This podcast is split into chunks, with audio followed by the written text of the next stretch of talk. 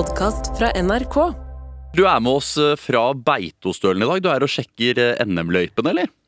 Ja, jeg er på vinterferie på Beitostølen, og her er jo NM på ski. eh, Og det er både sprint, og det er stafett, og det er særlig søndag, da, som er Oseberg skilag, som er min klubb. Jeg har vurdert om broder Jørgen og Fredrik, som er i overraskende god form, skal stille et sånt eh, brødrelag igjen. Vi har jo hatt det før, men nei, vi skal ikke det.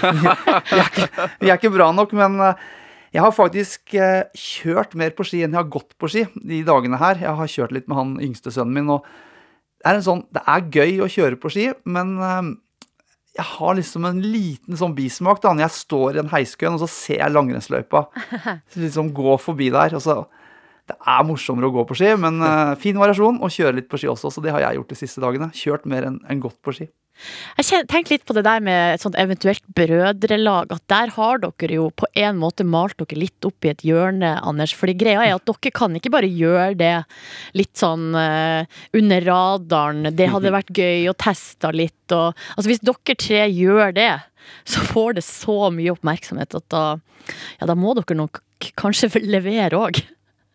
Ja, altså NM stafett på ski er jo en sånn uh, stor happening. Det er, det er en klubbstafett, og det er mye rart som stiller på start der. Så jeg tror jeg skulle overlevd, men, eh, men eh, nei, det er sant det du sier. Jeg tror jeg hadde kjent litt på presset, så det skal være greit å se på. Men, men hvordan, hadde dere, hvordan hadde dere satt opp laget, da? Du og Jørgen og Fredrik, hvem hadde gått hvilke etapper?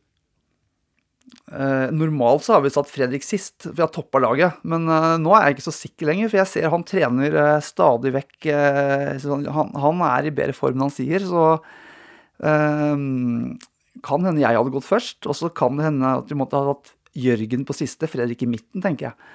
Også Jørgen som er bra til å skøyte. Men eh, vi får la det være med å tenke på tanken, tror jeg.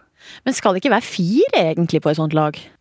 Det mm, er fire i eh, VM og OL og worldcupstafetter, men klubbstafetter er eh, tre løpere. Her lærer jeg altså stadig vekk mer. Men jeg mener du har sett at det ble en ny NM-medalje til familien Aukland her om dagen, eh, Anders? Ja, altså Fredrik han har jo trent og trent og trent, så har han jo noen hunder. da. Han har faktisk to forstere. og Det hadde jo vi når vi var barn. og kjørte litt hundekjøring, og det gjorde Fredrik òg. Så han stilte faktisk opp i NM 15 km hundekjøring nå på mm, helga som var, og han blei nummer tre. Det var uh, et comeback som uh, jeg er veldig imponert. Så han, uh, han var så sliten når han kom i mål, så han var nesten redd, han. for det var lenge siden han hadde pusha, pusha det så hardt. Men han, han imponerte. Yes. For en gjeng! Jeg har gått det som må være Norges eh, tyngste, men også et av Norges vakreste renn. Du har gått Grenaderen, Emil. Det er helt riktig. Jeg har gått 90 km. La meg ta dere tilbake til lørdag. Jeg står opp 03.30, Silje. Hæ? Ja, 03.30. Det er tidlig. Er ikke start oppe i Hakadal, og så går du gjennom hele Nordmarka til eh, Asker, eller? Det er helt riktig, men eh, da blir jo jeg henta noen nye venner jeg har funnet på Instagram. Jeg får haik til Asker. Der legger vi fra oss uh, bager og opplegg, og så blir vi bussa tilbake til der vi kom fra, forbi Oslo, til Varingskollen. Sola har ikke stått opp, det er mørkt, det er bare fakler som viser vei hvor vi skal. Det er altså over 350 gærne nordmenn sammen med meg som skal gå denne turen. Startskuddet går, sola har ikke gått opp engang. Jeg lurer på om jeg burde hatt hodelykt, men vi setter i gang 7.30. Og jeg har jo heldigvis fått råd av dere i forrige episode. Jeg eh, gir på i lette partier, jeg sparer meg litt i motbakkene, så jeg blir forbigått av ganske mange i de første kilometerne. Men så dundrer jeg forbi utrolig mange. Fantastisk følelse når det blir litt lettere. Og så kommer jeg til første drikkestasjon, 15 km, Kikkutstua. Og da er det en fyr som står og roper 'Bare 75 km igjen!' oh, og la han det fram som en slags motivasjon? Eller Nei, det, det- høres jo ut som en, ja. eh, det er en, en, en beskjed å få, ja. Ja, det var jeg, jeg begynte å le høyt, faktisk. For det var sånn Det er 75 igjen, ja. Men eh, Anders, må bare takke deg for fantastiske råd. Eh, som du har sagt flere ganger, prøve å dele opp løypa i partier. Så jeg hadde delt opp, jeg skulle gå til første drikkestasjon. Så visste jeg at fra 25 til 40 km. Da var det 15 km med motbakke. Så jeg hadde noen sånne partier som jeg fokuserte på. Det gjorde egentlig at tiden fløy av gårde.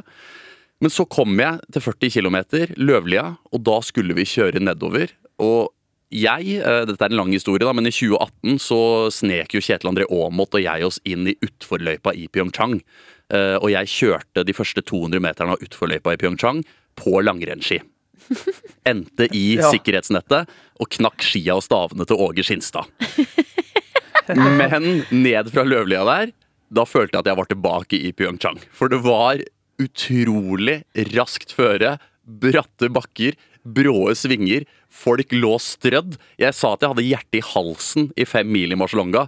Altså, nå var hjertet i hjernen min. Jeg var, jeg var livredd. Det var, jeg gikk i, gikk i bakken to ganger. Uh, har skrubbsår på ryggen fortsatt. Det var steinhardt underlag. Men heldigvis, uh, staver og alt overlevde. Uh, Kom etter hvert til nest siste drikkestasjon. Blir tilbudt vafler av en eldre dame. Takker pent nei, tar heller en banan. Dama med vafler sier 'du kommer til å angre'. Ja, hun har vært ute i vinternatt Ja. før. Så det var en sånn fantastisk sjarm. Etter 55 km så mister jeg festet, som de fleste andre gjorde i løpet av denne lange lange skituren på isete føre. Eh, mange stopper opp og smører om. Jeg begynner å innbille meg at jeg er Anders i Marcialonga i Begynner å stake, 2004. Jeg begynner å stake. Hver gang jeg ser noen som stopper og smører, så bare sier jeg til meg selv 'Han smører!' Men problemet var at eh, Anders hadde to kilometer igjen av Marcialonga. Jeg hadde 35 km igjen. Og så er det vanskelig å få på smøring på en eh, ski med klister som er slitt. Da, da En kald ski. Da er det vanskelig å få noe til å sitte her, ikke det? Ja, det var det jeg også tenkte. Og det Du var, prøvde kanskje ikke? Nei, det var veldig få av de jeg så som smørte om, uh, som jeg så igjen. Uh, fordi Ja. de, jeg tror ikke det hjalp sånn veldig å få feste. Men jeg staka videre. Etter sju mil så kom vi til et sted hvor det ikke er preparert, Silje. Ai! To kilometer upreparert fordi grunneier nekter. Så da står jeg i et spor og er livredd for stavene mine i nesten to kilometer. Eh, Stavene fester seg i skare hver gang det kommer en motbakke og jeg skal prøve å gå fiskebein. Og da sprekker det helt i overkroppen. Kommer meg så vidt gjennom de neste ti kilometerne før det heldigvis begynner å gå nedover. Og så plutselig er jeg i mål. Plutselig er jeg ferdig. Ni mil. Ender på 5.45,43. Snittfart da på 3 minutter og 51 sekunder per kilometer. Og det er altså 1774 høydemeter, den turen her. Oi, oi, oi, oi. Eh, og snittpulsen min er faktisk bare på 153, fordi det er jo kroppen som fikk kjørt seg aller mest på den turen her. Men en helt fantastisk skitur.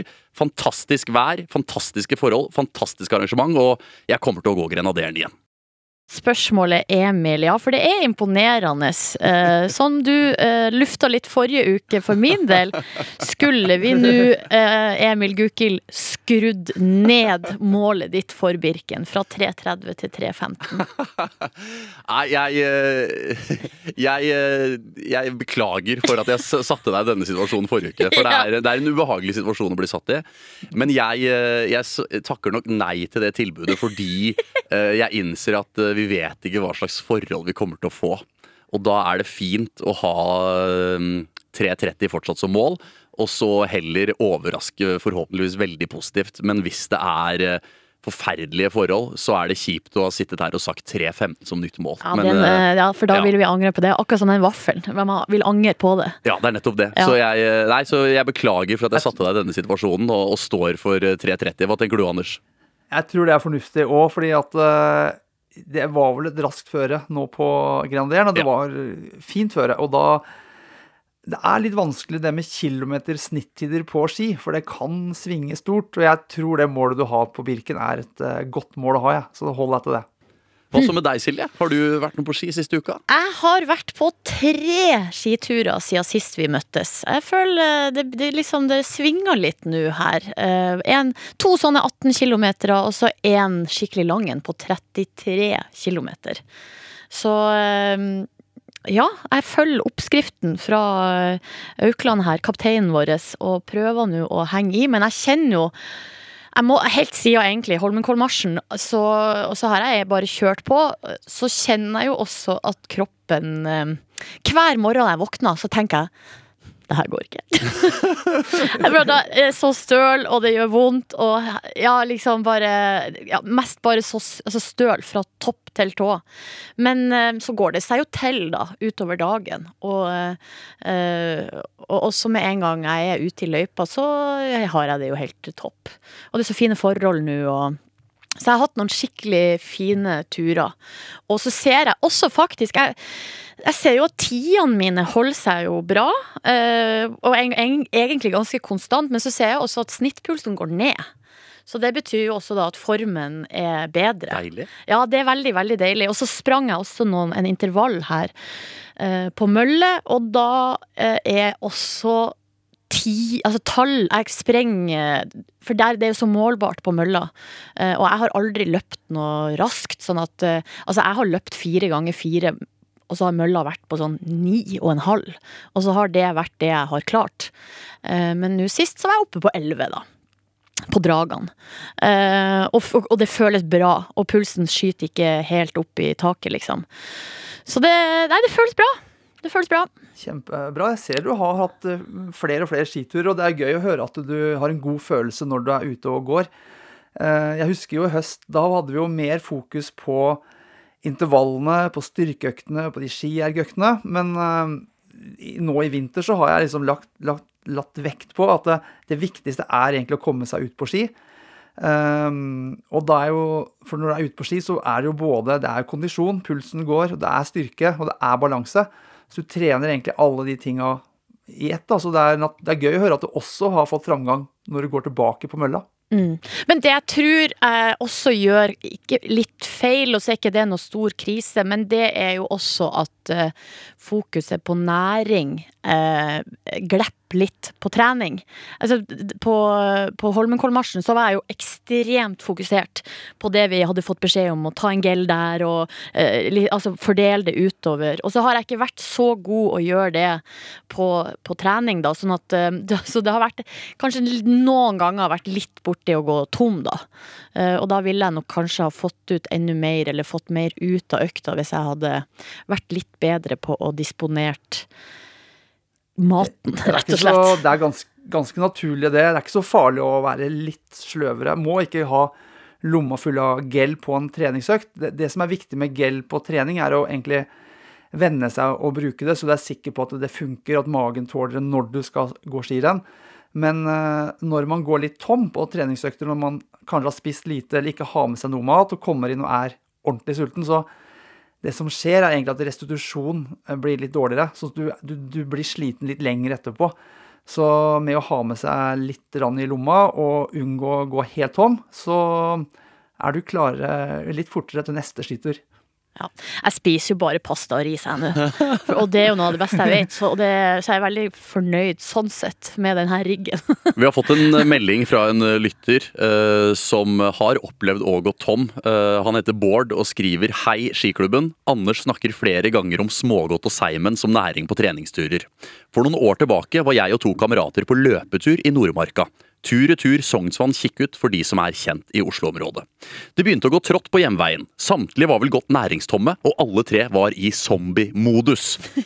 Plutselig finner han ene et knippe knallharde seigmenn i løpevesten, og de redder dagen for samtlige. Etter det har vi kalt oss løpegruppa Seige menn. Ja, Det er et bra navn. Ønsker med dette ja. å gjøre Anders til æresmedlem av Seige menn. For seigere mann skal du lete lenge etter. Emil og, Emil og, Silje, dere må nok ut i krigen litt flere ganger før vi kan vurdere opptak av dere.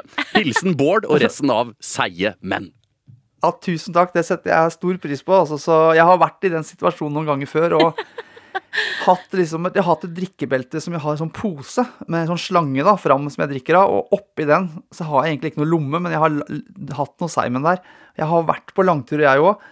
Og kommet inn i den der følelsen at, åh, at du er helt tom, og da, det er så tungt å bare komme seg hjemover. Og så har jeg vært heldig da, og funnet noen sånne der, eh, helt inntørka, harde Simon, og de er gode. Bare putte den i munnen og kjenne den der eh, næringa du får da, det gir energi. Og det, jeg har kjent på det, så takk for uh, å få være æresmedlem der.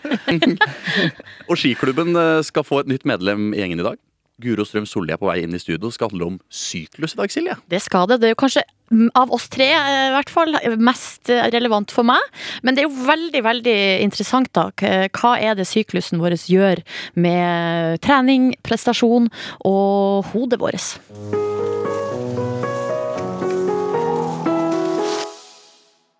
Guro Strøm Solli, velkommen til skiklubben. Tusen takk for det. Fantastisk hyggelig å ha deg her. Vi må begynne som vi gjør med alle gjestene våre. Ditt forhold til langrenn, hva er det? Jeg tror det er litt annerledes enn eh, Anders sitt i hvert fall. Jeg er vel eh, kanskje motparten av han i langrennssporet. Vært en eh, eksplosiv langrennsløper. Så jeg er veldig veldig glad for at sprint kom på programmet der da jeg var juniorutøver. Og jeg fikk vel servert ut på tremil i NM en gang fra spikeren på vei ut. Guro Strøm Solli, sprinteren som aldri lykkes på lengre løp. Oi, oi, Uff, det er ikke akkurat motivasjonen du vil ha med deg ut dit på tre mil. Nei, det er en ganske brutal eh, melding å få med seg det, ja. Men um, det fikk meg i hvert fall til å tenke, da. Så kanskje litt din faglige interesse for ei uke. Dine høydepunkter som eh, sprinter, da? Eh, høydepunktene Jeg har vel klart å få to pallplasser i World Cup, eh, så det er vel eh, høydepunktene. Um, sånn, jeg tror jo den stemninga i Drammen, v-cupen i Drammen, er på en måte høydepunktet sånn opplevelsesmessig i, skisporet. Det er helt, helt fantastisk. Du var jo en del av eh, landslaget en del år. eh. Var, det da eget sprintlag damer, eller var det et allround-lag den gangen? Nei, eh, det var et ett lag. Så det var, det var, Ja. også litt brutalt å være sprinter på, på det laget. Noen, For da måtte noen- alle trene som Marit litt, på en måte, eller var det litt sånn delt? Nei, det var, det var jo en litt eh, spesiell periode der med um, Svein Tore Samdal som landslagstrener, som kjørte det her, et sånt ekstremt eh, intervallopplegg. da. Så vi, vi trente jo knallhardt eh, de årene jeg var på, på landslag, med sånne blokka intervaller. Så det, og Egentlig så responderte jeg ganske bra på det i starten, og så, og så bytta det litt, som kanskje var litt eh, det samme for, for en, del, en del av de andre på, på laget på den tida. Mm. Hvor lenge var det du holdt på da? Eh, Jeg ga meg i 2010. eh, 27 år gammel. Eh, Satsa litt på rulleski i årene etterpå. Der er det jo litt eh, kortere distanser, og det passer meg bra. Så trappa ned meg litt eh, rulleskisatsing i et par år etterpå.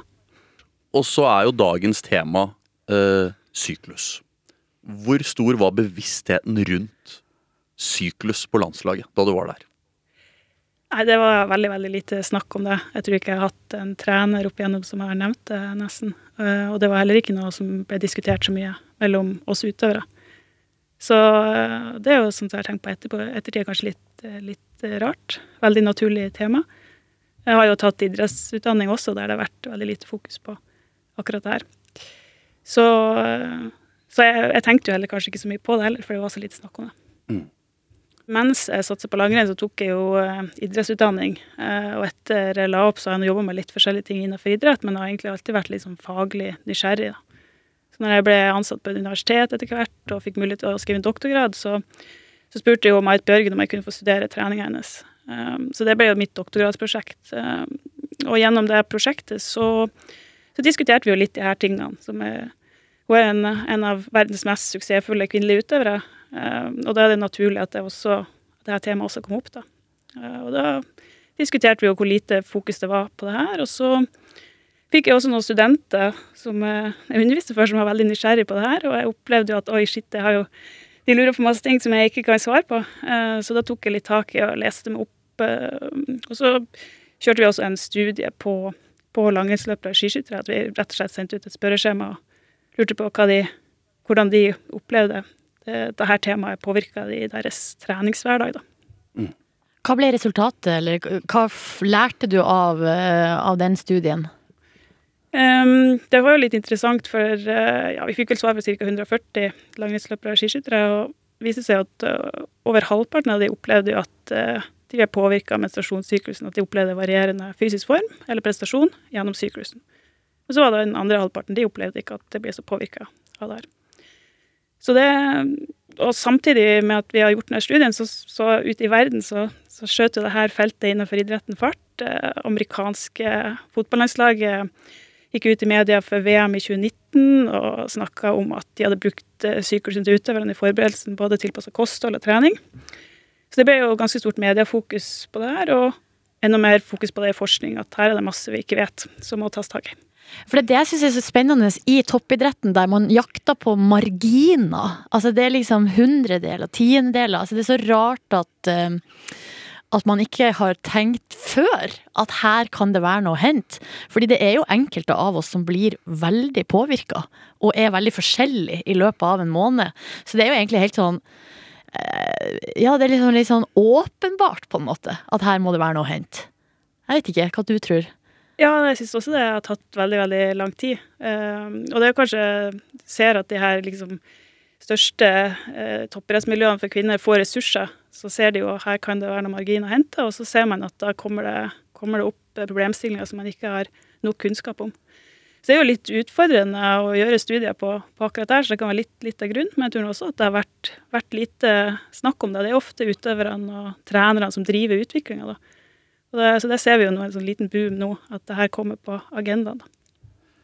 Men du blir bevisst på dette gjennom doktorgradjobbingen med Marit eh, Bjørgen. Som du sier, det får internasjonal oppmerksomhet, amerikanske landslag i fotball og sånne ting. Men eh, etter at dette ble et tema, da, hva har vi funnet ut? Hva vet vi på en måte nå, noen år etter? Ja, eh, som, hvis man skal ta deg litt eh, liksom, mekanismene bak her, så er det jo gjennom en eh, menstruasjonssyklus er det jo kjønnshormonene østrogen og progesteron som varierer i et eh, fast mønster. da. Det kan jo variere litt lengden på det mønsteret fra kvinne til kvinne, men stort sett fra 21 til 35 dager. Men så er jo østrogen og progesteron hormoner, altså, enkelt forklart, viktige budbringere i kroppen som, som bidrar til at fysiologiske prosesser skjer som, som de skal, egentlig. da. Eh, men så er jo ikke østrogen og progesteron er jo viktig for at vi kvinner skal kunne få barn, men de har jo også en del andre prosesser i kroppen. Eh, de kan påvirke oppbygging av muskulatur og skjelett, og eh, temperaturregulering, energiomsetning osv. Så, videre. så det liksom spennende er jo om de her variasjonene av østrogen og progesteron gjennom en menstruasjonssyklus også da kan påvirke prestasjon eller treningseffekt. At det kan være smart å legge noen økter til en fase mens andre økte til en annen fase, og sånn sett får mer effekter. De, de, når du har forska på det, har det handla mye om å kartlegge og finne ut, for det sier det er veldig uh, individuelle forskjeller. Er det sånn at utøvere ofte tenker sånn at uh, hvordan prestere best mulig på den konkurransen i forhold til syklus, eller tenker man òg eh, spesifikk trening, altså lønner seg å trene sånn eller sånn, eller går det med på å toppe en form eller unngå å ha en ha dårlig uke når du skal prestere et resultat? Eh, veldig, veldig gode spørsmål. Egentlig alt, alt det du nevner der. Um, hvis vi tar forskninga på prestasjon uh, først, da, så, så sliter jo kanskje forskninga med å gi noen sånn klare svar på om man presterer bedre i enkelte faser av menstruasjonssyklusen. Det man har, um, har litt tendens på i forskninga, er at man kanskje presterer litt dårligere i denne tidlige uh, fasen av sy syklusen, der østrogen- og progesteronnivåene er lavere. Eh, men altså det, ser ut som det er en ganske sånn ubetydelig effekt. Eh, for det er jo mye som påvirker prestasjonen sånn totalt sett. som den er stor nok til å overgå alle de andre faktorene som søvn og ernæring og, og, og så videre, det, det er usikkert, da. Eh, når det kommer til treningseffekt, så er det en del studier som indikerer at det kan være smart å paradisere styrketrening da, til den første halvdelen av syklus, som kaller for den folkulære fasen. Der man har jo først ganske lave nivåer av østrogen og progesteron, men så øker nivåene av østrogen frem mot eggløsning. Eh, I motsetning til den lutale fasen, som er da fasen fra eggløsning og frem til neste blødningsfase, der nivåene av østrogen er for høye. Eh, og som mekanismer på en måte at man kan få større fremgang av styrketrening i den folikulære fasen, er jo at østrogen er et såkalt muskeloppbyggende hormon. da, Eh, i motsetning til progesteron, som har litt sånn mot, motsatt effekt. Eh, men så har jo kanskje de siste studiene som kommer nå, de er litt sånn ja, Har vi egentlig så bra bevis for akkurat det her? Eh, så de er litt mer tvilende til at det er en, en effekt av såkalt fasebasert styrketrening. da. Ja, for det der er interessant. Jeg har jo kanskje Det er fare for at jeg har ramla ned i et slags kaninhull på, på internett. Uh, algoritmene driver og gir meg nå veldig mye treningsgreier. Og også uh, mange sånne her, og det er gjerne amerikanske fit fitness-influensere som, som, eh, som, forfekter det her med De kaller det jo biohacking. Eh, og det med å legge opp treninga ut ifra syklus. Og så presenterer de det jo som om du skal løse alle problemer i hele livet ditt. Du skal få eh, Du skal bli bedre på Altså du skal få bedre treningsutbytte, du skal ha bedre prestasjon, du får finere hud, du får bedre fordøyelse. Um, og så er det jo sånn at alle de her er jo også veldig trent de ser flott ut, de har fint hår, de er sminka. Eh, og så skal de også veldig ofte selge noe. De skal jo selge et kurs eller ei bok eller et eller annet eh, produkt som de selger. da. Og da er jo mitt spørsmål er det så enkelt som de presenterer det, liksom? Um, nei, altså mitt svar på det er at hvis det er noen som vil selge det fasebasert trening eller kosthold, så er det et tegn på at man kanskje ikke har satt seg inn i at det er veldig sammensatt og komplekst og veldig individuelt. Mm. Uh, så det er et, kanskje et tegn på at man ikke virkelig har satt seg inn i, i temaet, da. Um, så det er jo, det er, men, det, men, vi vet jo altfor lite om det her tematikken også, så det er jo også en, en utfordring. Det er gjort for lite, lite studier. Uh, det er nesten ingen studier på f.eks. å paradisere utholdenhetstrening av forskjellig volum eller intensitet i forskjellige faser. Det finnes nesten ingenting, ingen kunnskap om det.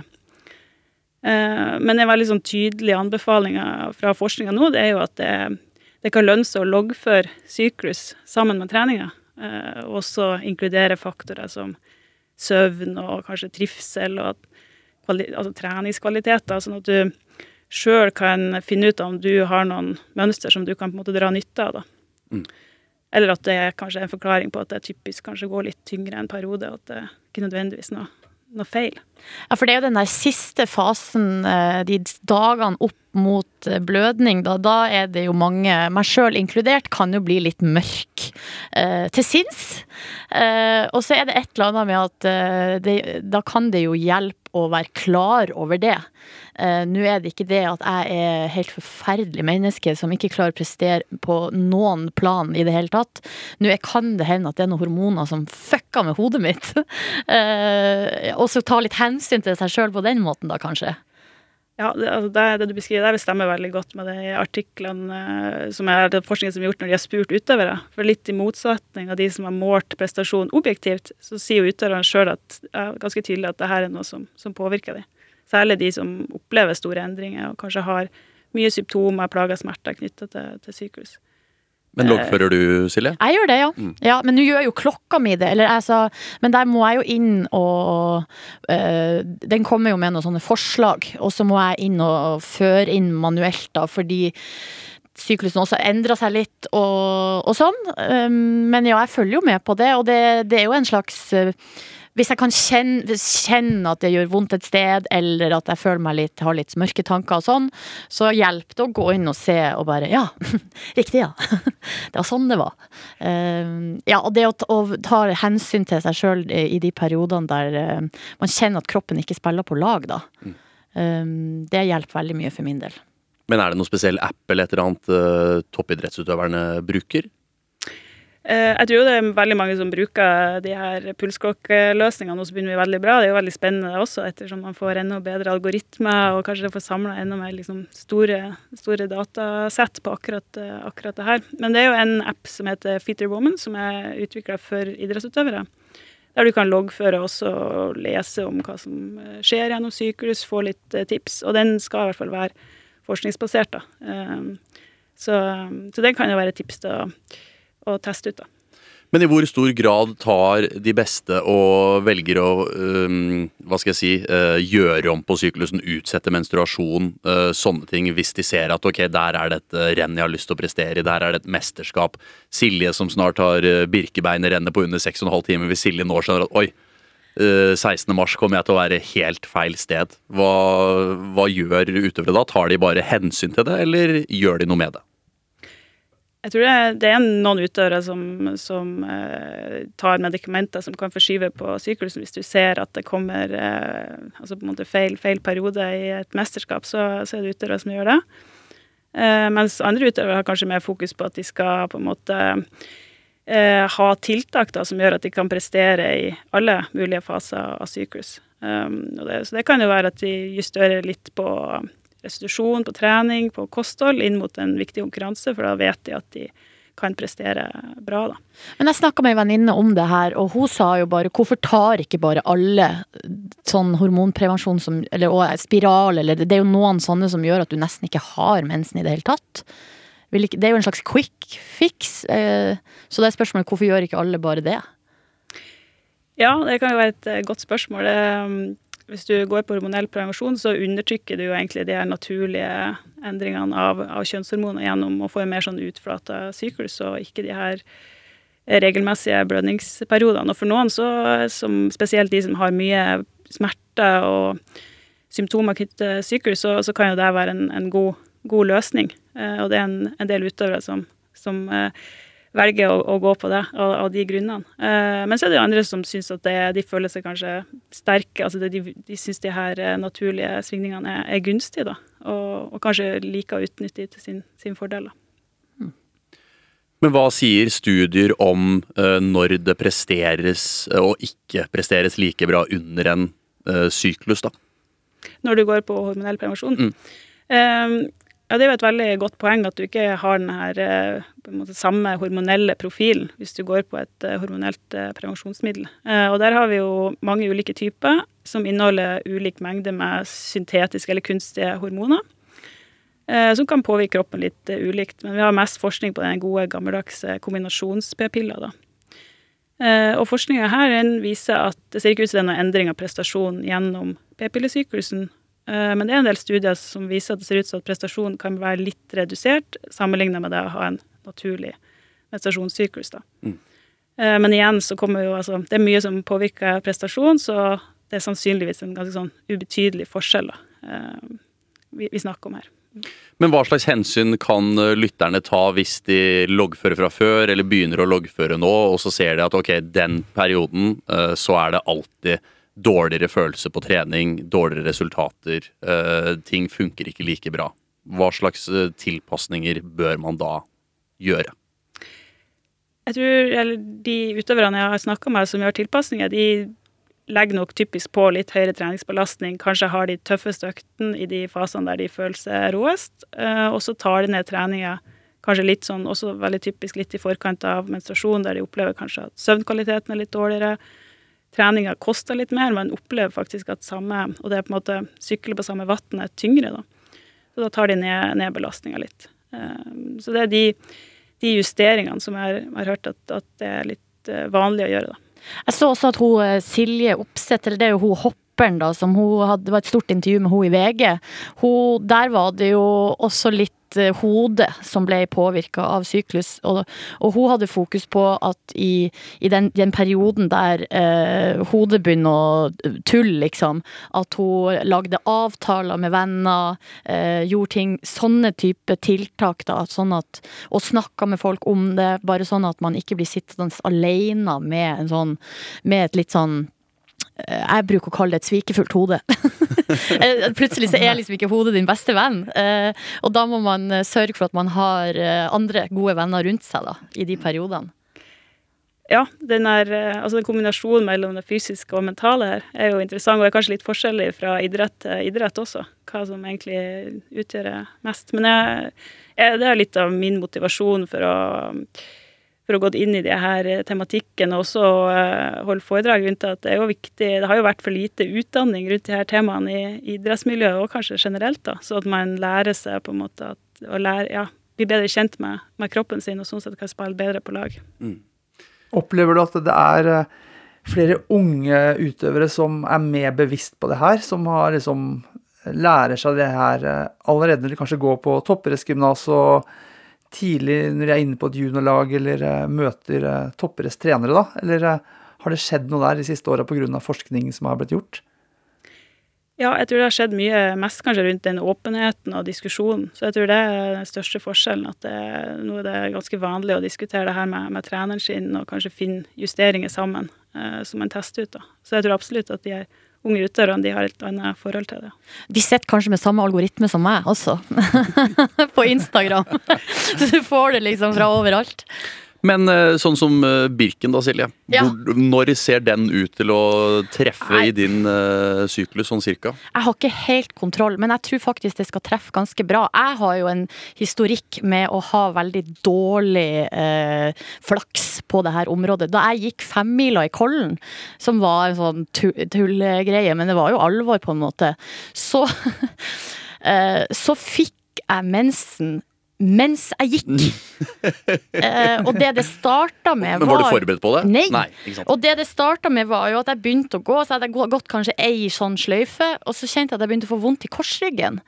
Så det var sånn, hmm, og, da, og da tenkte jeg først at det var fordi jeg gikk på ski. Eh, for det kan man jo noen ganger få. Men så begynte det å gjøre vondt i sånn muskelkramper i magen. Og så tenkte jeg bare nei, nei, nei. Så da, mens jeg gikk, sendte jeg melding. For da var jo Ronny og resten av P3 Morgen-redaksjonen var jo inne på arenaen. Så jeg sendte melding 'Nå kommer jeg snart. Nå må dere være klar med en tampong'. Eh, og der, så da hadde de drevet og styra noe voldsomt da, med å finne én tampong.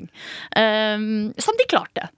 For det var noen jenter med i redaksjonen som hadde fant noe nederst i ei veske, liksom. Så da var det inn der, og inn på det der huset på, der på Northugflata. Og bare tek, tek, tek med skisko. og så bare få det på plass, og ut i løypa igjen. Eh, men det Ja, og da jeg sykla Nordsjørittet også. Eh, da kom det også der underveis. Da var jeg litt mer forberedt. Ja, så eh, jeg har lært litt nå, ja.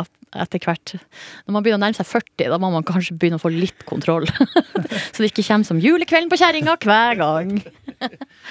Men man leser jo, eh, eh, i motsetning til det Silje har opplevd, eh, hvor det har kommet mensen midt i konkurranser og store fysiske utfordringer, så leser man jo også stadig vekk om toppidrettsutøvere som, som mister menstruasjon. Hvor vanlig er det? Um, det er veldig vanlig i, um, i utholdenhetsidretter eller andre idretter der vekt er en, en faktor. Um, den mest vanlige årsaken til å miste menstruasjon er jo relativ energimangel. Så man får i seg for lite energi i forhold til hva man forbruker. Uh, og da det er jo viktig å være klar over at da vil jo altså Får man inn for lite energi, så begynner jo kroppen å gå i sparebluss og bort, prioriterer på en måte reproduksjon. Da. Det er jo ikke livsviktig. Så da vil eh, de her hormonelle endringene gjennom syklusen da flate ut. Um, og hvis det pågår over tid, så har man jo ikke nok østrogenproduksjon, og det kan jo da svekke f.eks. styrken av skjelettet, sånn at man blir eh, utsatt for eh, tretthetsbrudd. Uh, men også at man ikke får treningseffekt, man får ikke utbytte av, av treninga si. Så det er ikke noe, noe gunstig løsning, det er ikke noe bærekraftig situasjon å være i hvis man skal utvikle prestasjon. Um, og der tror jeg idretten, og kunnskapen i idretten har blitt, eh, blitt bedre, og det budskapet er veldig tydelig at det, at det er gunstig å ha regelmessig menstruasjon. Ja, så det er rett og slett et dårlig tegn. Det viser at her må du ta noen grep da, hvis det skjer. Helt klart så kan det være andre bakenforliggende årsaker. så det er jo en sånn gyllen regel at hvis menstruasjonen er borte over tre sykluser, så bør du oppsøke medisinsk eh, ekspertise da, eh, og finne ut hva som er årsaken til det. Altså, jeg var jo utvekslingsstudent i Ecuador. Eh, dro dit da jeg var 16 år, andre klasse på videregående. Og da mista jo jeg mensen i et halvt år, eh, tror jeg, av stress. Det var så stort kultursjokk for eh, kropp og hode at da sa også kroppen min her skal det ikke være noe baby inne i bildet. Her må du bare lære deg spansk og få orden på livet. Ja, ja, stress, det er andre faktorer som kan stresse kroppen. da. Så, Ja. ja.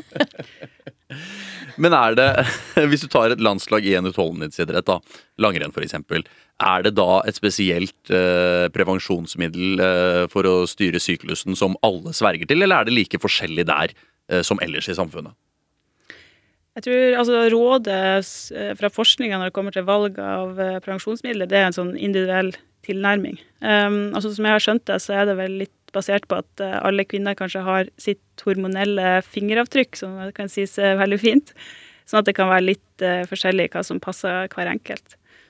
Uh, men der er det også samme anbefaling at logg før man starter på et nytt prevensjonsmiddel. Og hvis man registrerer at det ikke funker så bra, at, at man ikke presterer like bra på trening, eller tankemønsteret endrer seg, så kan det være smart å kanskje teste ut en, en annen type, da. For meg som er helt uh, idiot og blank på dette temaet. Uh, uh, når dere snakker om å loggføre, hvordan loggfører man? Hva, hva skriver man? Hva, er det én til ti på hvordan dagen har vært? Er det kommentarer om hvordan det funker? Hva, hva loggfører man? Nei, Det er vel uh, ulike muligheter i de her appene. da, eller uh, Fører man treningsdagbok, så, så, kan man jo legge inn litt kommentarer der. Men jeg har inntrykk av at det er litt forskjellige uh, måter. Finne sin, sin variant. ja. Mm. Altså, jeg loggfører jo bare når det skjer, på en måte. Sånn at Og så er det jo appen, eh, den som er kobla til klokka mi, som da regner ut når da eggløsning kommer, og når det mest sannsynlig neste menstruasjon kommer. Så da kan jeg liksom følge med på det, det hjulet, og så egentlig bare inni hodet mitt notere meg litt sånn Å ah, ja, ja, det er derfor det er sånn akkurat nå, og ja, um, ja, så da er man også litt uh, Det er jo en bevissthetsgjøring, kanskje mest av alt og at man også da er forberedt på når det, når det, når det neste kommer, liksom. Mm. Det er jo de samme fordelene kanskje med det å, å loggføre trening. Jeg vil tro Anders har loggført treninga si gjennom hele, hele, karrieren, så han har sikkert funnet ut litt smarte ting å gjøre det. Da tipper jeg tilfellet. Ja, og det er jo jeg, det er jo litt sånn at man uh, lærer jo med å Jeg har ikke vært så veldig opptatt av statistikken, bare, men jeg, jeg har jo, når jeg har loggført min trening, så har jeg Når jeg går da har jeg likt å gå tilbake og se når jeg liksom skal toppe en form, eller hvis jeg har vært sjuk. Da tenker jeg hva, hva, skal jeg gjøre for å komme tilbake, eller hva skal jeg legge vekt på i treninga nå? Så jeg tenker jo at eh, utøvere som loggfører eller er bevisst rundt det her, lærer jo kanskje mer um, lære av det og ser liksom hva, hvilken trening vil funke, hvilken trening bør jeg ikke gjøre. Uh, så det med å loggføre trening, det handler like mye om å være veldig bevisst. For meg så har ikke de talla hatt størst verdi. Jeg vet du er veldig glad i tall, Emil. Nå får du mye tall på Strava og sånne ting. Men jeg syns sånn loggføring som også viser litt om hvordan du kjenner deg, om du har overskudd, om du er sliten, sånne ting, da, det har vært veldig verdifullt for meg. Og det er vel um, Er man bevisst på det, så tror jeg det er en stor verdi, da, når man planlegger sin egen trening framover, hvis man kan kikke litt bakover òg. Hvordan er det med menn, egentlig? Har de noe syklus, de? De har vel eh, mye mindre variasjon i, i, kjønnshormonene. Det er vel kanskje noen sånn døgnvariasjoner, tror jeg, og en liten sånn biologisk rytme. Men ikke de her månedlige syklusene. Ja, for det er det jeg har hørt, at menn har sånn 24-timers syklus, mens vi har ja, en måned. Ja, det tror jeg det stemmer. Men du Silje, som nå har uh, begynt å gå masse på ski, gått renn, uh, vært rundt omkring på markastuer. Hvordan uh, synes du det er lagt til rette for dere kvinner og deres syklus? Nei, Det der har jeg faktisk tenkt litt på. At eh, det har vært noen ganger jeg har eh, faktisk vært blitt irritert fordi det f.eks. mangler antibac. Og det, kan jo, det gjelder jo også altså Oppe på Holmenkollmarsjen der var jo kjempefine fasiliteter. Eh, men det var også på morgenen, og folk kommer opp der med sin morramage og skal på do. Eh, og jeg fant ikke noe antibac. Eh, da ble jeg litt sånn åh. Eh, og så også opplevde jeg at, eh, at, de ikke har, at det ikke er søppelbøtte på doene. Og det er jo veldig ofte utedo på de her markastuene. Eh, kaster du tamponger eller bind oppi det utedoet, så ødelegger du jo eh, komposten, rett og slett, eh, med plastikk. Eh, så da har jeg liksom kjent litt på sånn her ja, irritasjon over at eh, det er jo ikke så vanskelig å sette opp i ei lita sånn, bøtte, sånn at man slipper å gå med en sånn ja, brukt tampong i handa, selvfølgelig pakka inn i papir, tvers over plassen og inn på restauranten for å kaste der. Det er bare Ja, det er sånne små ting som hadde gjort det veldig mye enklere. Jeg tenker, irritasjonen min går hovedsakelig ut på at her har ikke folk tenkt. Mm. Man bare tenker ikke over at at, uh, at vi finnes, på en måte. Ja, og det, det er jo en bra ting med at man har fått opp diskusjonen litt, og denne tematikken eh, er, diskuteres i idretten, da, sånn at eh, man bare rett og slett får lagt bedre til rette eh, for kvinnelige utøvere og mosjonister. Altså, det skal ikke være noen barriere, tenker jeg, for å delta i idrett i det hele tatt. Men så kjenner jeg jo òg at den, jeg har jo ikke noe skam rundt det. ikke sant? Sånn at uh, det er jo på en måte uh, det, det, må jo vi også damene ta litt sånn ansvar for oss sjøl òg. At vi også må ta den plassen og ta den samtalen. Uh, og også, i den grad man kjenner på skam, jobbe med det og legge det vekk. fordi det er nå engang sånn vi er.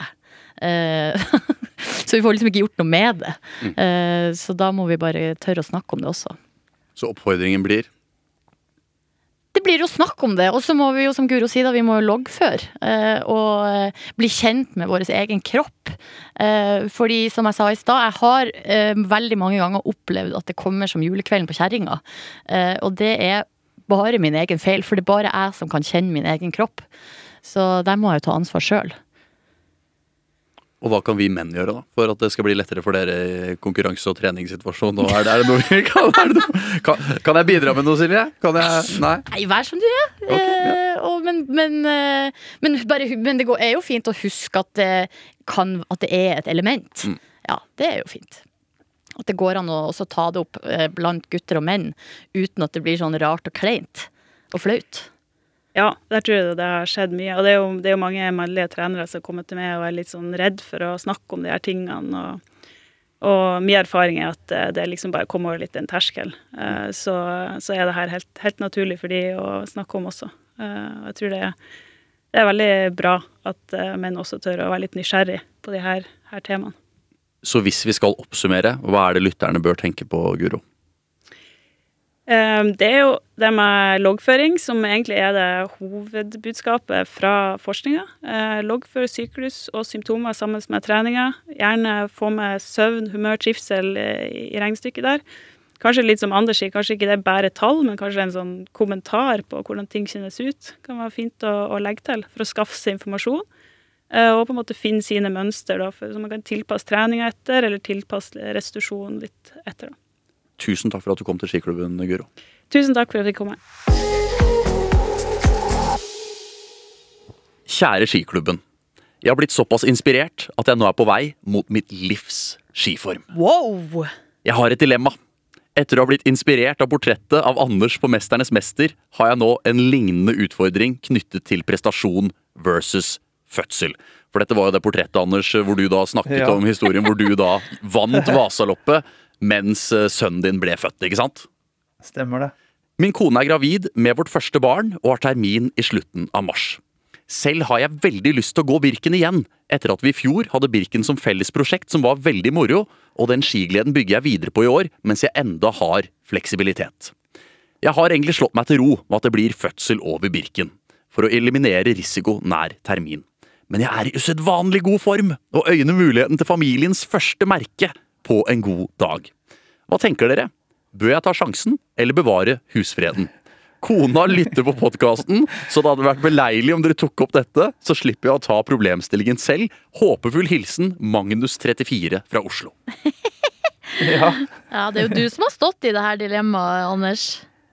Jeg har stått i dilemmaet, jeg, og det var litt vanskelig valg. Eh, det Vaseloppet hadde jeg jo drømt om en lang periode, og så viste det seg at det her, det her kommer jo til å krasje. Og, men jeg kan jo gi, gi et råd. Altså, jeg ville jo valgt fødsel uh, foran Birken. Uh, og det er nok desidert det viktigste. Men uh, når jeg gjorde mitt valg, da, så var jeg og da min kone veldig enig i det valget. Og det var, men det var et vanskelig valg å ta, og vi sto veldig sammen i det. Men jeg syns at du skal støtte kona di og være med på fødsel. Det er mitt, mitt råd denne gangen, i hvert fall. Men det er jo et eller annet med at det viktigste her er jo at Magnus og dama blir enige. Mm. Ja, sånn, så det er han, det det handler om. Ja, sånn at, ja. Så, så, så, da må det, det er første pri.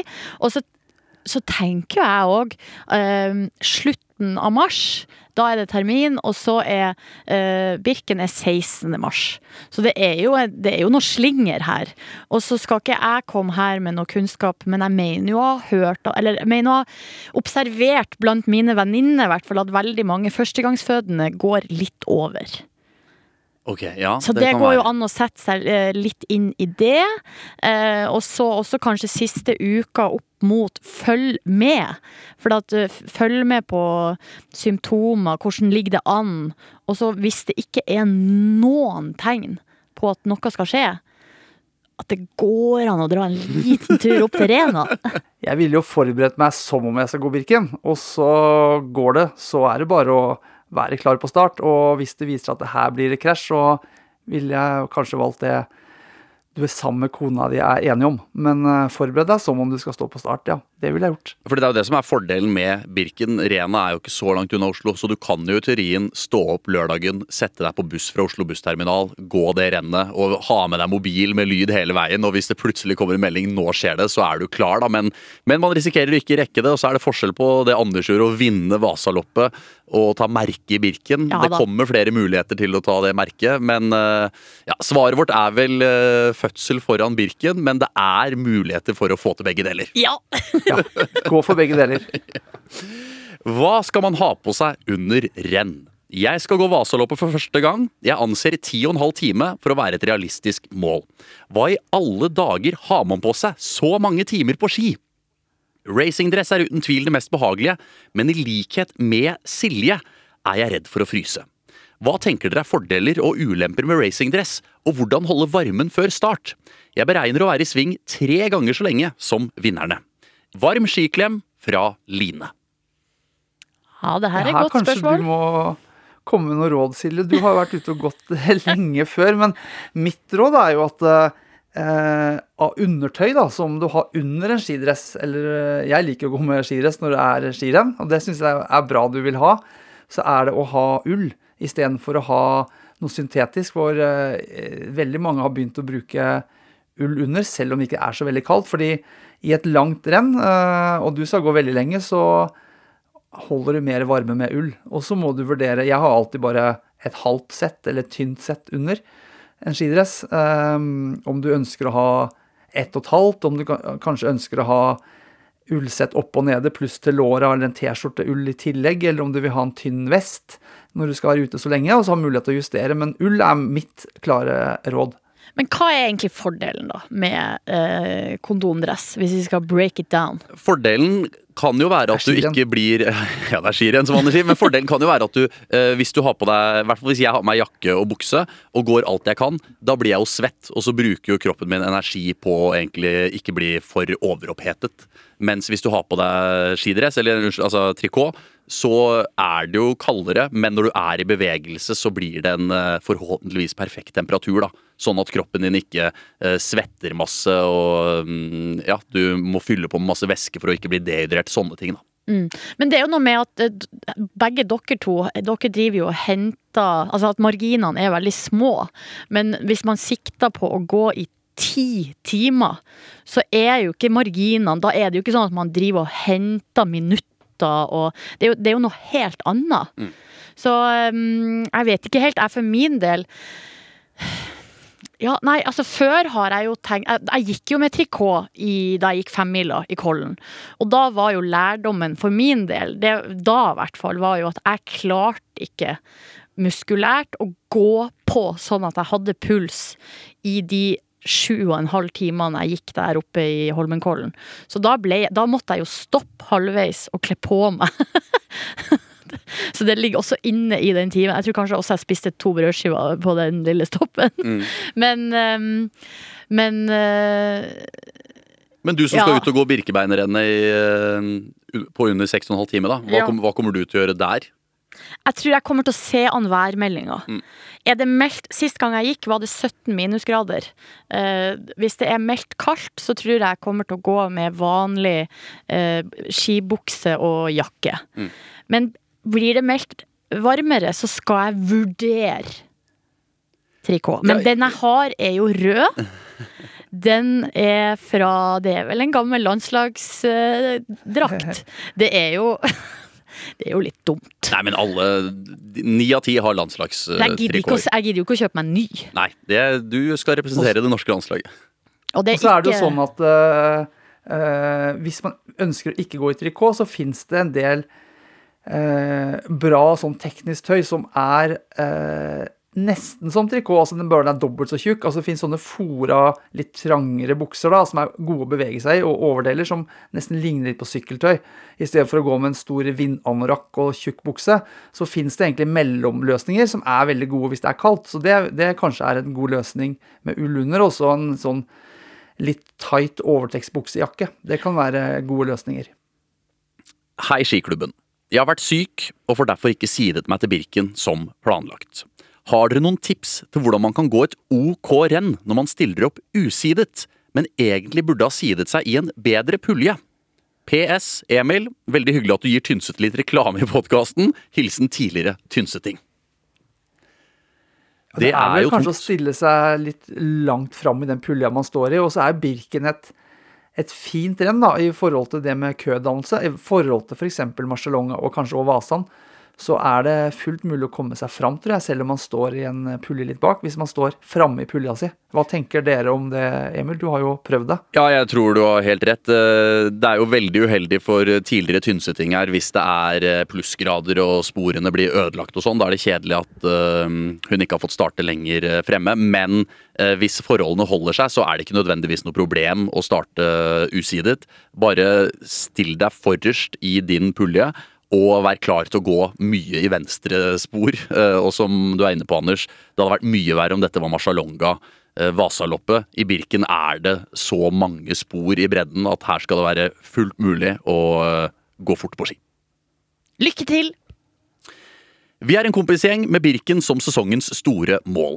Treningsmengden har økt jevnt og trutt, men etter helgens treningssamling på Sjusjøen dukket et felles problem opp. Samtlige karer har fått vondt i albuene fra staking. Har skiklubben noen tips til hvordan man kan unngå dette under staking? Treningsøvelser som kan hjelpe, tøying eller annen magi. PS. Samtlige skal gå med festesmøring. Ja, vondt i albuen det er eh, tegn på at man har staka litt mer enn man er vant til. Da kan man fort få vondt i albuen, og det er vanlig. Og det kommer gjerne i perioder når man overdriver staking, og gjerne litt i så tungt terreng. Det er ikke så farlig. Det går ofte fort bort òg. Eh, min erfaring er å ikke legge staking helt bort eller stoppe å trene, men jeg har unngått styrkeøvelser. Type sånn eh, pullups eller um, løfte hvor man får drag på albuen. Men jeg har heller gjort noen eksentriske øvelser. Og da har jeg stått med en rett hånd rett rundt armen min, og så tar jeg håndflata rett oppover mot uh, opptaket. Og så holder jeg igjen hånda mens jeg, mens jeg eh, drar tilbake med andre armen min. Så jeg trener på egentlig en sånn håndbevegelse da, som gjør at jeg um, får drag over albuen. Så jeg trener på en måte litt motsatt enn jeg gjør når jeg staker. Jeg får drag i albuen, og det gjør litt vondt. Eh, men med å trene litt eksentrisk, så har jeg da fått bort de smertene ganske fort, egentlig. Men jeg har kjent på det ganske ofte sjøl. Så du presser liksom oppover, og så holder du igjen med den andre handa? Jeg presser oppover, og så drar jeg ned med andre handa. Ja. Jeg gjør det nå. Ja. Jeg også, og det gjør ganske godt. Ja, det gjør godt, men litt vondt òg, eller? Ja, fordi jeg, jeg, jeg, jeg, tror, jeg, tror, vi kjenner på litt av det samme som uh, gjengen som har vært på Sjusjøen her, Silje. Vi har staka ja. mye, vi også. Det, går, det, er ganske vanlig, men ikke stopp og stak. Men uh, unngå å gjøre styrkeøvelser i styrkerom som gjør veldig vondt. Det er dumt. Hei, Skiklubben. Jeg har en teori om at når staking har blitt så stor del av klassisk og langløp, så har forskjellene mellom kvinneklassen og herreklassen økt i forhold til ren klassisk diagonal stil. Dette fordi menn typisk kanskje er ekstra mye sterkere i overkropp og i trøkk i staking. Kan dette stemme? Personlig så trenger jeg en ekstra grunn for at min mann er såpass mye raskere enn meg. Eksempel. Nå på søndag gikk jeg et skirenn på 42 km. Mannen min hadde gått Grenaderen dagen før. Han er hjelperytter for meg i mitt renn i ca. 10 km og melder på Strava. Lett og rolig, med mye høyere snittpace enn meg. LOL! Hjelp! Jeg har, ikke, jeg har ikke noe statistikk på vinnertider i hodet, men eh, jeg ser jo at det er ganske mange mosjonister eh, av menn som har tilegnet seg staking ganske bra. Eh, alle har ikke en sånn veldig god diagonalteknikk, men de kan være store, sterke. De har mange kilo å legge i trykk i motbakkestaking, og det, det går ganske bra. Eh, av kvinner så er det jo færre som klarer å beherske staking pga. de mangler den sterke styrken. Så jeg er litt enig. Jeg er ikke sikker til at det går fort, at forskjellen er større.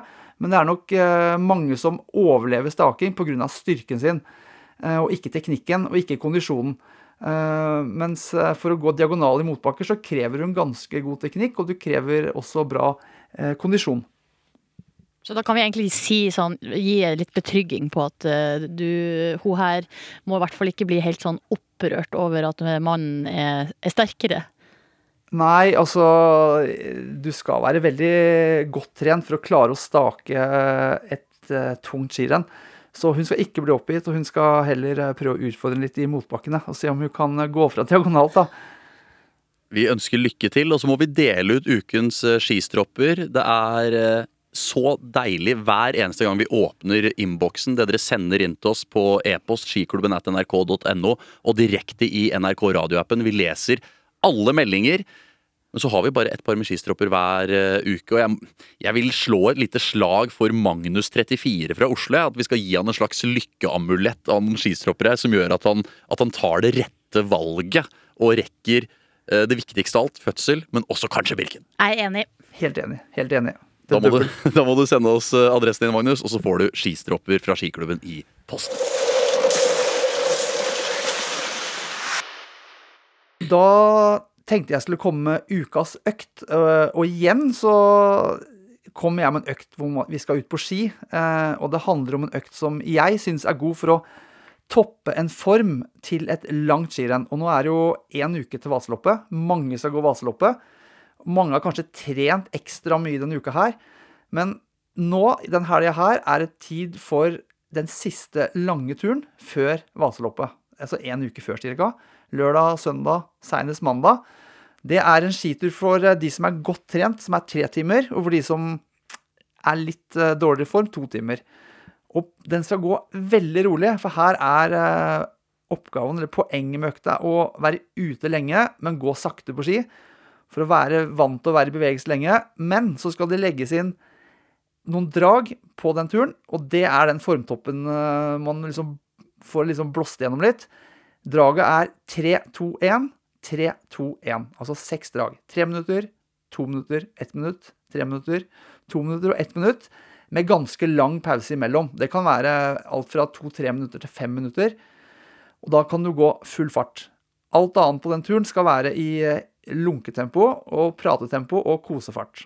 Det er en fin form, en fin økt for å komme i god form. Hvor lang tid, eller skal det være noe pause mellom dragene? Eh, ja, eh, jeg tenker de draga skal komme fra midten av langturen og utover. Siste halvdel av langturen. Eh, og de bør være mellom to og fem minutters pause. God pause mellom draga og veldig høy fart på draga. Mm. Dette høres ut som en artig og fin skitur, det. Veldig. Ja, det er en skitur som du får Du får både den høye farta, og du får vært ute veldig lenge, og så skal du ikke være utslitt når du kommer inn. Tusen takk for i dag, eh, Silje og Anders. Neste uke er det Vasaloppet som er temaet tema i episoden. Så bare send inn masse spørsmål hvis du lurer på noe. Hvis du skal gå, hvis du skal se det på TV, hvis du har sett på det før. Hva som helst. Send inn spørsmål om Vasaloppet og alt annet dere skulle lure på. Og så takker vi for i dag. Så håper vi at vi ser deg på stafetten på søndag, Anders. Jeg skal stå og heie. Osebergs tillag. takk for i dag. Takk for i dag. Takk, takk.